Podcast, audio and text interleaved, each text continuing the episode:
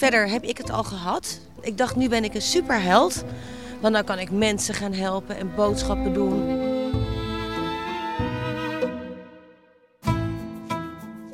Het grootste probleem van onze aarde is niet de aarde, is maar dat er gewoon te veel mensen zijn.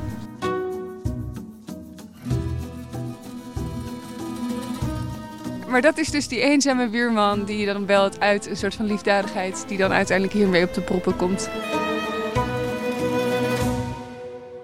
Is bijna het nieuwe normaal. Op zaterdagochtend in het winkelgebied van de Haagse Bankastraat, waar ik woon, met een bekertje koffie op de publieke bank genieten van het ontluikende voorjaar. Geen porseleinen kopjes op het terras van Brasserie Archipel, maar eenmalige kartonnen bekertjes uit het loket van lunchroom Limoncello, die zich met succes heeft aangepast aan de nieuwe realiteit. Bij Albert Heijn staan buiten de eerste mensen in de rij in afwachting van een ontsmet mandje. Er mogen maximaal 80 mensen tegelijk in de winkel. Op het bankje naast de groente- en fruitstal staat de coronafoon, waartegen mensen vertellen hoe ze het virus beleven. Of corona mensen dichter bij elkaar brengt en wat ze daar eventueel zelf voor doen. Dit is deel 5 van de Coronacast.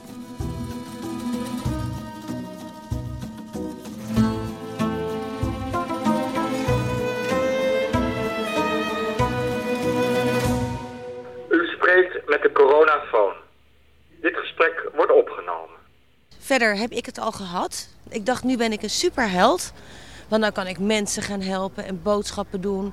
Maar eh, ik voel me een soort paria. Want als ik het zeg, ik doe er niet heel spastisch over, dan deinzen mensen achteruit. Terwijl ik eigenlijk nu gewoon zo'n groen bolletje ben en plaats kan nemen in de muur waar iedereen het over heeft. En ik dacht dat ik op zou roepen, geroepen worden om allemaal heldendaden te doen. Ik was met eh, tien vriendinnen in Oostenrijk, in Tirol. Carnaval natuurlijk. En na één dag ging eh, alles dicht. En de tweede ochtend kwam een vriendin hijgend met ademnood eh, uit haar bed. En die was echt belabberd. En had alle symptomen. De dag daarna gingen we naar huis. En zaterdag waren we eigenlijk allemaal ziek. Waarvan zes van de tien echt heel erg ziek. En twee, waaronder ik, hebben eigenlijk maar één dag koorts gehad. Maar ik heb wel meteen in, eh, in quarantaine geweest, acht dagen. En ik heb maar één dag koorts gehad. Maar er waren echt mensen echt, echt ziek. Dus ook niet meer online. Echt een dag of tien gewoon belazerd, hoge koorts. Ademnood, die beangstigend was. Dus ja. En zo besmettelijk dus, dat je binnen 36 uur eigenlijk alle tien ziek bent. Hebben die ook weer anderen aangestoken? Eh, eentje, want die dacht dat van eh, mij, ik ben zo sportief en fit. Dat denk ik ook. Maar zij dacht dat ze daardoor niks kon overdragen. Dus die heeft zaterdag met afstand door haar eigen huis gehuppeld. En de dag daarna waren eerst het ene kind ziek, eh, zondag, maandag het volgende kind ziek. En een week later ook haar man ziek. Dus, maar die zijn nu dan wel klaar. Dat is ook alweer prettig. Mensen moeten nog aan wennen. Nou, zoals dat eh, vroeger was met aids-patiënten. Daar liepen mensen ook met een boog omheen. En echt, als ik nu zeg van ja, maar ik heb het al gehad, dan deinzen mensen echt achteruit. Dus voor mij eh, heeft niemand wat te vrezen eigenlijk. Uh, nou, ik werd dus aangesproken door een meneer van, uh, om in de microfoon te praten. En ik dacht dat er ja, een soort coronafonds is. Dus ik zei ook, ik heb alleen maar 100 euro bij me. Wil graag wat schenken om natuurlijk het probleem uit de wereld te helpen. Coronafoon, ja, dit is ook nieuw voor mij. Dus u overtreft het me ook een beetje. Wat is de bedoeling? Ik ben van mening dat het coronavirus uh, de mens wel uh, bij elkaar brengt. Alleen we hebben natuurlijk een bepaalde groepering die dat niet doet. En dat baart me ernstige zorgen. Dat zijn de leeftijdscategorie van 14 tot 25. Waarin ik toch wel merk dat die toch wel samenkomen. Zelf uh, hou ik me wel aan de regels omdat ik de ernst van de situatie inzie. En het beangstigt het mij ook. Want ik in mijn leven heb dit nooit meegemaakt. Ja, en vraag me toch af hoe dat voor de jongeren is. Er is uh, op zeker een uh, verbondenheid met mensen, waardoor ik zelf merk als mens dat er toch wel ja, de afstand het gevoel, het innerlijke gevoel van, joh, let op elkaar, wees er voor elkaar en samen kunnen we het aan. De coronafoon. Of corona ons dichter bij elkaar brengt. Ik denk dat het ons onbewust, of onbewust, maar wel verplicht bij elkaar brengt. In die zin dat uh, je gedwongen wordt er ineens, zonder dat je daar ooit vroeger over na hoeft te denken, uh, je bewust moet zijn van een ander die bij je in, je in je nabijheid is. En dat kan verbondenheid creëren. Je wordt gedwongen aan een ander te denken omdat je hem ziet. Dus het, het, visuele aspect is als je iemand ziet, denk je hé, hey, daar, moet ik, uh, daar moet ik rekening mee houden. Corona geeft ook een soort machteloosheid. Het is een machteloze situatie. Als je ziet dat uh, alle mensen die er verstand van moeten hebben, eigenlijk ook geen oplossing hebben voor het probleem. Mijn eigen vrouw is huisarts. Tegen mij zegt, wat moeten we nou? Zeg ja, jij bent huisarts. Ik, uh, ik heb het oplossing niet. Jullie hebben ervoor geleerd. En ook zij hebben geen oplossing voor het, uh, voor het coronaprobleem. Ik zie het als een soort mixamotose. Konijnen kunnen ook niet aan elkaar vragen wat het is. En ze dan worden ermee geconfronteerd. Ze sterven uit, de populatie herstelt zich. Maar wij als mensen zijn dat niet gewend. En willen niet dat het ons overkomt. Toch gaat het een keer gebeuren. Het is fact of life. Een, een bioloog zal het helemaal geen gek verschijnsel vinden. Het grootste probleem van onze aarde is niet de aarde, is maar dat er gewoon te veel mensen zijn. En eigenlijk is het een zegen voor de aarde als er een. Ja, het is heel cru als er een miljard mensen zouden verdwijnen. Ja, dat wil ik niet zijn. Niemand wil het zijn. Maar filosofisch gezien lijkt het me voor de aarde een oplossing voor alle problemen die we nu hebben. Er is een gedag om op te kouwen. En ik ben er niet in paniek. Ik, ik denk gewoon, nou, het overkomt me. En het overkomt ons. En niet in paniek raken. En als we het niet kunnen reguleren, nou, dan, dan, heeft dat, dan, dan eist dat zijn tol. En ik heb wel, uh, ja, maar natuurlijk om je naast te maken je bezorgd. Ik heb zelf een, uh, een schoonmoeder, die wordt dit jaar 100. En die zit volgens mij de hele dag op de wc met het haakje erop. Want die wil echt niet dat er iemand bij in de buurt komt. Ondertussen, op het Haagse Noordeinde, is de jonge generatie nog lang niet toe aan die gedachte.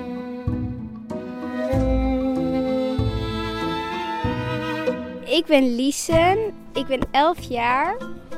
En we hebben op de stoep een uh, hele tekening gemaakt over corona. Dat de mensen uh, afstand moeten houden en dat dat beter is voor iedereen. Je ziet dat er een coronavirusje loopt. Ja, het is een bolletje met allemaal stoppeltjes waaraan hij zich aan mensen kan vastschrijven om dan hen ziek te laten worden. En dan worden er allemaal mensen boos omdat um, zij wel moeten binnenblijven en dan het coronavirus wel overal uh, mag gaan en staan waar hij wilt. Alleen dan vinden ze dat ook het coronavirus aan de regels moet doen. Ook jij moet binnen blijven corona. Anderhalve meter afstand. Ja, ik ben zelf op het idee gekomen. Omdat het heel erg over corona ging, zag ik dat allemaal gebeurtenissen op afstand gebeurden.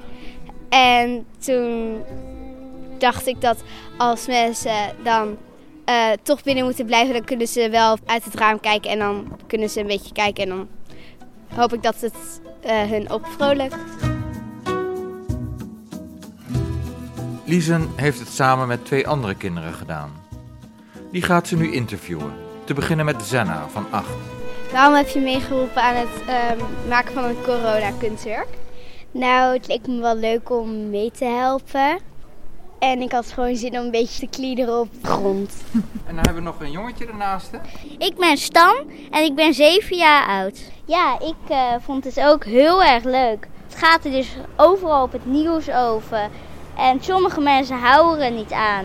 En dan dacht dus Lise, waarom maken we niet op de stoep met soepkrijt een uh, coronavirus tekening? Ja. Liesem vraagt ook nog een omstander of de boodschap goed is aangekomen. Ehm, dat we afstand moeten houden. En dat het ook gewoon moet. Ik ben, ik ben Zubin van Staten. En je bent hoe oud? Elf. U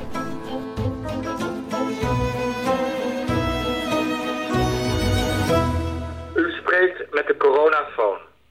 Dit gesprek wordt opgenomen. Mijn moeder die belde mij op en die zei: Lisa, denk ook aan je eenzame buurman. Hij zit maar thuis, bel hem eens op, kijk eens hoe, hoe het met hem gaat. Ik heb hem gebeld en heb 42 minuten met hem eh, ja, getelefoneerd. Alles kwam voorbij, de hele buurt, buren. En op een gegeven moment, op minuut 38, eh, was diezelfde eenzame man opeens dus heel benieuwd of ik nog neukte. Hij zegt, hoe doe je dat nu met neuken? Neuk je nog? En zo, ja, zo, ik stond met mijn mond tot dan. Ik heb niks, eh, ik dacht, ja jeetje, ik heb een relatie, maar meer ook niet. Maar dat is dus die eenzame buurman die je dan belt uit een soort van liefdadigheid... die dan uiteindelijk hiermee op de proppen komt. Je kent hem wel? Ik ken hem heel goed. Ik ken hem 2,5 jaar. Ja, nee, no- nooit verwacht. Ik vind het een vreemde vraag. Ik zou het zelf, ja, ik weet het niet. Ik zou het zelf nooit durven stellen aan iemand. Nee. Ik denk dat het goed is dat de buurman voorlopig binnen zit met zijn 80 jaar. Dat, het is maar goed dat deze. En de anderhalve meter afstand ben ik ook wel blij mee. En verder hoe ik deze tijd ervaar. Het is meer dat ik het gewoon heel gek vind dat het leven in één klap zo om kan slaan. Dat je wakker wordt en denkt, jeetje, oh ja. Dat je eigenlijk hoopt dat het bijna één grote droom is en dat je op een gegeven moment zal ontwaken, maar dat gebeurt niet. Ja, dat, je, dat had toch niemand verwacht. Iedereen eh, die deed maar. Wat een prachtig leven. We konden alles en in één klap is het gewoon poef. Ben blij dat mijn opa is overleden en dat hij dit niet heeft meegemaakt. Zeg maar. Dat er niet nog een trauma op zijn eigen trauma van de oorlog komt. Ja, fysiek staan we natuurlijk verder van elkaar. Maar ik denk emotioneel, eh, de inner cirkel, die komt veel dichterbij nu. Die, ik heb nog nooit zoveel met mijn moeder gebeld. Dat deed ik al veel, maar... Ik heb een heel selecte keuze in de mensen wie je ziet. Dat is wel heel bewust. De rest probeer je wel contact mee te onderhouden. Maar ja, het, het, een heel klein kringetje is het. Ja, we hebben nou even gesproken voordat de opname is, eh, is gestart. Ehm, ik vind het heel divers. Ik vind het heel uiteenlopend. En met name heel erg relativerend. En ik gaf net een praktisch voorbeeld. En dat vind ik voor mezelf ook wel een belangrijke. Ik ben nu al een paar maanden op zoek naar een nieuwe auto. Hè, want die van ons die is, eh, die is wat oud. Maar dat is allemaal niet meer zo relevant. Ik hoef die nieuwe tweedehands auto niet. Ik moet nu zorg dragen voor mijn gezin. Ik moet zien te werken. Ehm, zorgen om mijn moeder.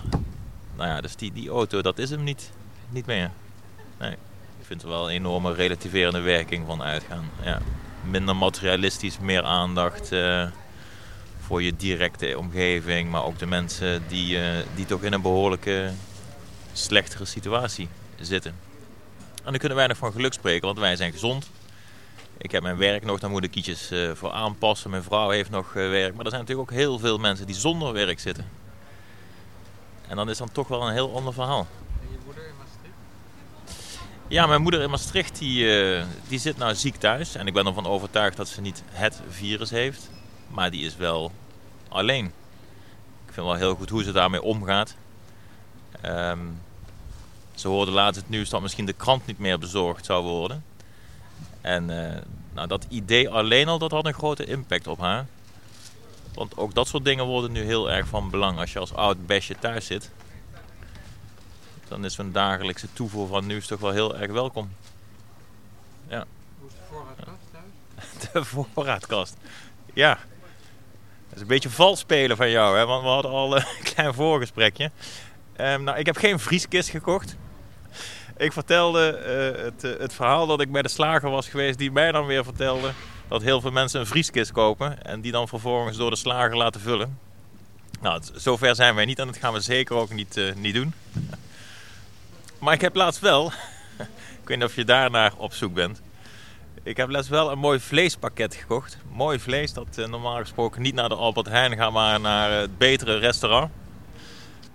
En nu doe ik er een beetje lacherig over, maar die restaurants die hebben het natuurlijk ook moeilijk. Die, eh, die kunnen gewoon niet meer draaien. Wat dan uiteindelijk ook betekent dat de, de boer die het vlees levert aan dat betere restaurant nu ook niet meer een afzetkanaal heeft. Dus nu kun je bij de groothandel kun je ook uh, een mooie deal maken met mooie vleespakketten. Ja. En dat heb ik gedaan. Ja. Maar geen nieuwe vriezer. Ik heb het op het ogenblik heel erg druk, want ik geef les aan een universiteit. Dus ik moet al mijn colleges uh, in de virtual classroom doen. En dat vergt wel wat aanpassingen. Dan merk je pas hoe, hoe sterk je ook let op uh, lichaamstaal.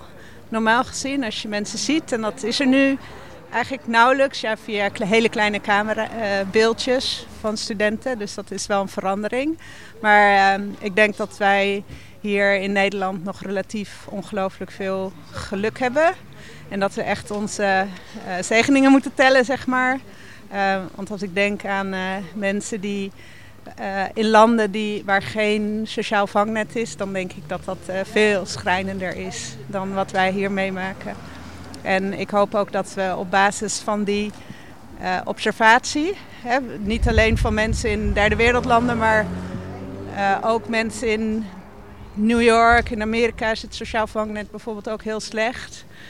dat we gaan nadenken over hoe we de wereld beter kunnen organiseren met uh, betere verdeling van de, van de welvaart.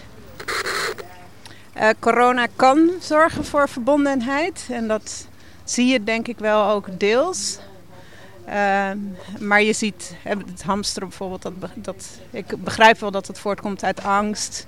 Maar ja, dat is natuurlijk niet een, een signaal van uh, verbondenheid. Dank voor uw bijdrage.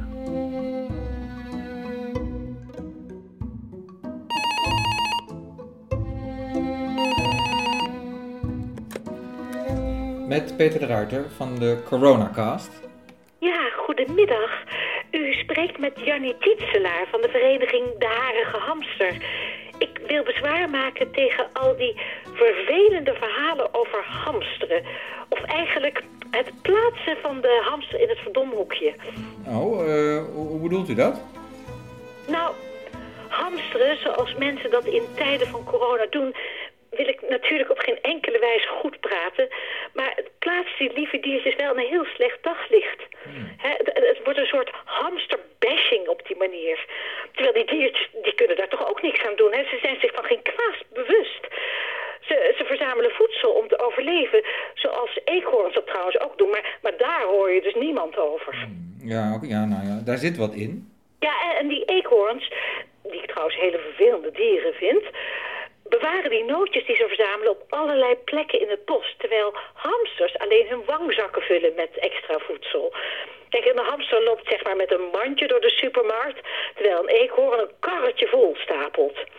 Nou ja, goed, in ieder geval dat, dat hele begrip hamsteren is volkomen misplaatst. Nou, en daarom hebben wij van de vereniging Harige Hamsters nu een positieve tegenactie georganiseerd. Oh, nou, ik ben benieuwd. Nou, u, weet dat we nu anderhalve meter afstand tot elkaar moeten houden, hè? Dat is natuurlijk vreselijk. We, kunnen elkaar niet meer knuffelen. Dat geldt niet voor hamsters. Kijk, dat heb ik trouwens gecheckt bij het RIVM. Maar uh, om aan al die menselijke aaibehoeften te voldoen... openen wij nu morgen het Harige Hamsterhuis. Oh, uh, het Harige Hamsterhuis? Wat moet ik me daar dan bij voorstellen?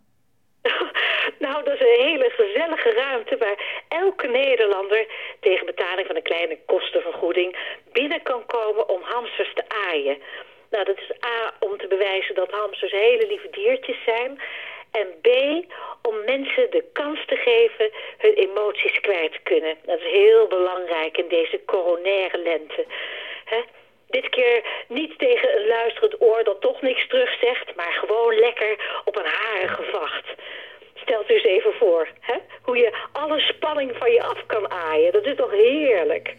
Ja, nou, dat lijkt me wel een goed idee. Uh, waar kunnen de mensen naartoe? Nou, voorlopig is het alleen nog online op www.harigehamster.nl. We wachten nog op ontheffing vanwege het samenscholingsverbod. Dus ja, het moet de eerste dagen virtueel. Maar als je die beestjes alleen al ziet en een lieve piepgeluidjes hoort... nou, dan gaat er toch al een tinteling door je heen, hoor. Echt heerlijk.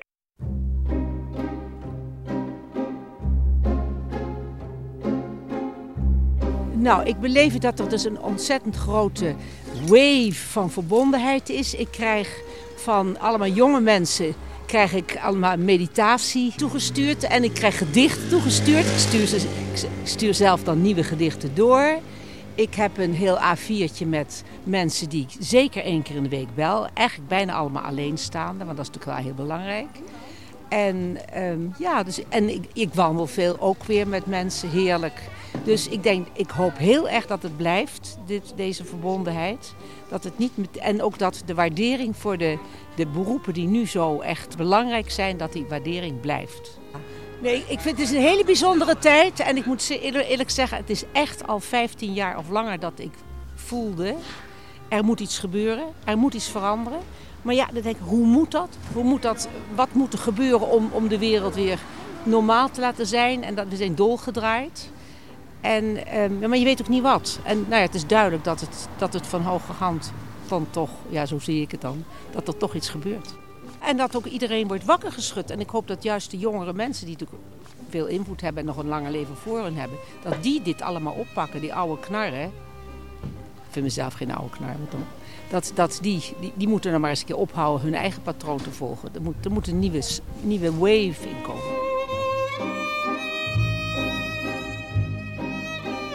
Ik ervaar het als iets uh, onwetelijks, iets uh, surrealistisch. Ik denk, uh, ja, de pandemie was min of meer voorspeld. Maar dat het deze omvang zou hebben of zou krijgen, dat had ik niet van tevoren verwacht of kunnen voorzien. Het leidt zeker tot verbondenheid, zeker in deze buurt waar ik al jaren woon. De betrokkenheid was er al, maar ik merk dat de betrokkenheid alleen maar meer toeneemt. En dat vind ik heel erg prettig. Ik hoop wel dat mensen zich wel aan de regels houden. Aan die anderhalve meter ook echt in acht wordt genomen en andere regels die door de overheid zijn uitgevaardigd.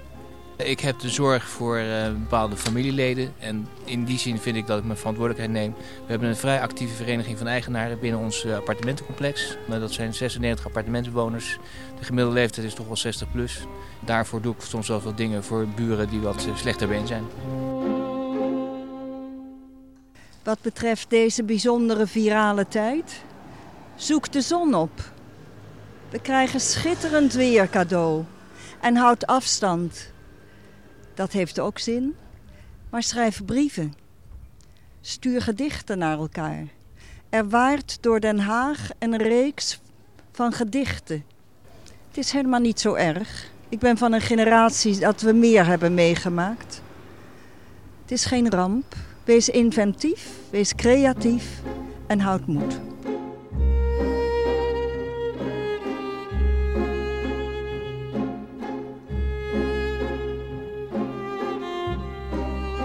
Ik heb net een boswandeling gedaan. doe ik iedere dag met de hond. Dat houdt ons ook een beetje gezond. Want ja, je moet wel naar buiten iedere dag met die beest. En nu heb ik vandaag gedichten gevonden. Die iemand heeft getypt en opgehangen op de bomen. Met allemaal lieve woorden en mooie gedachten. En dacht ik, ja, dat is toch echt een goed voorbeeld van de verbondenheid en die liefde die mensen gewoon uit zichzelf willen delen. En je weet niet wie het ziet, maar als degene die dat gedaan heeft dit hoort, dan kan ik zeggen dat ik van genoten heb. En ik ga het ook op Facebook zetten. This one is called Sometimes by Leonard Peltier. Sometimes in the shadowed night I become spirit. The walls, the bears, the gratings dissolve into light. And I unloose my soul and fly through the inner darkness of my being. I become transparent, a bright shadow, a bird of dreams, singing from the tree of life.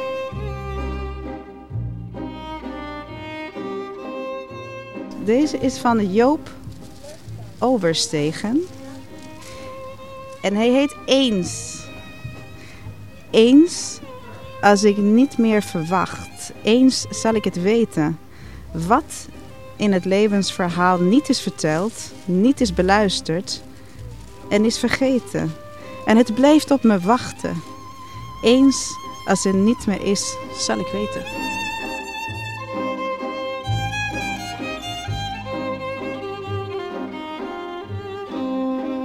Ik heb zelf in het ziekenhuis net gelegen toen het uitbrak. En ik moet zeggen dat het verplegend personeel keihard heeft gewerkt in die periode. Ik lag voor een longontsteking, maar Ik lag net midden in die periode en toen moesten ze al die speciale toestanden waren. En ze werk. Wat merk je verder van corona? Ja, doodstil in de winkels en doodstil op straat eigenlijk. Het is een gekke, het is zo stil. En niemand gaat nou naar hun werk toe op het moment. Dat merk ik. Buren zijn ook veel meer voor elkaar. Let op elkaar, merk ik. Zij hebben voor mij in een periode, in die moeilijke periode dat ik net thuis was, uit het ziekenhuis een heleboel gedaan.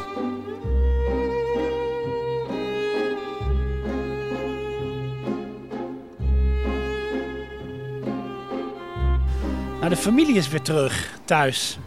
Ze waren altijd ver weg, altijd zelfstandig. En nu zijn ze terug, dus die verbondenheid die is er zeker. Uh, we gaan wel ontzettend voorzichtig met elkaar om en dat is heel goed. Het is een beetje ouderwets gevoel. Uh, um, want ik ben natuurlijk een stuk ouder. En we, we, gaan nu een beetje om met elkaar zoals we vroeger ook deden. Dus nogal afstandelijk, nogal beleefd. Dat is wel het mooie ervan. De angst die is er natuurlijk ook. En dat, dat vinden we allemaal heel onprettig. Gelukkig is, bij, er bij ons nog, uh, nog niemand ziek geweest. Uh, mijn vrouw die kookt voor de daklozen en uh, dat doet ze al heel lang. En dat is op het ogenblik op een hele andere manier natuurlijk. Want je kan niet meer gewoon een zaal vol met 100 mensen uh, eten geven. Dus dat, dat, doen we op een hele andere manier. ik ben ook erg actief in de kerk en daar doen we opnames van diensten en van een beetje zingen met twee of drie mensen. en dan bel ik ook wel met mensen die alleen zijn, waar we van weten of familie of niet familie. Uh, waar bijvoorbeeld een familielid wel ziek is. Dus dat soort iets doen we wel. Um, ja, dat, dat is eigenlijk wat, wat we doen.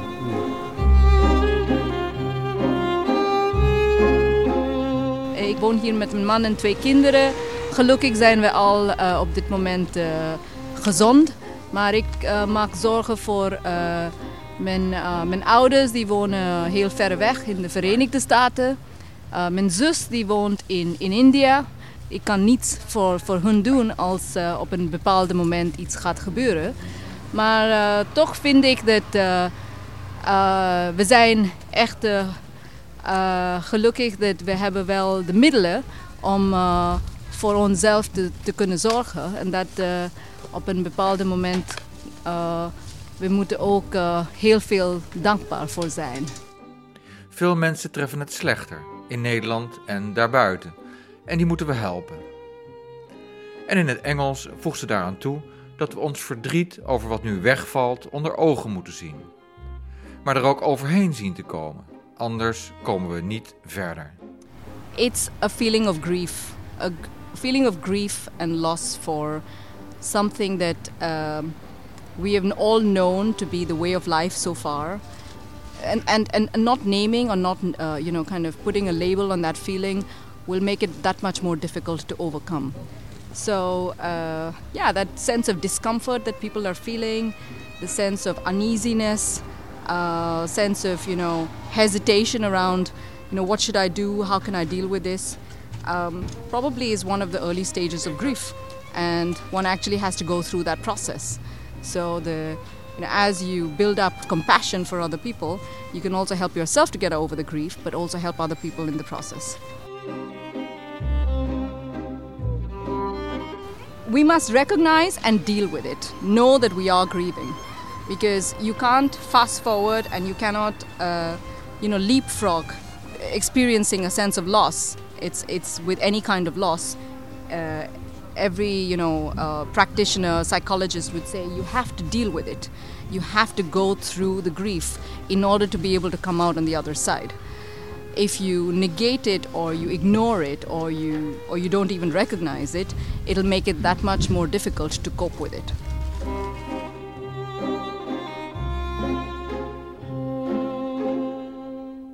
Nou, dat, je, dat we weer naar elkaar kijken. Hè? Dat je gewoon weer eens even de rust hebt en weg van alle hectiek en alle ruis.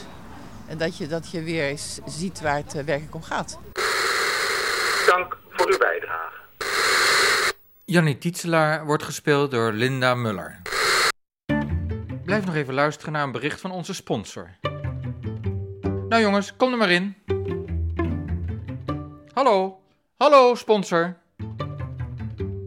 Hallo sponsor, ben je daar? Hallo. Sponsor niet gevonden. Wil jij Luisterdok sponsoren? Klik dan naar donatieluisterdok.nl.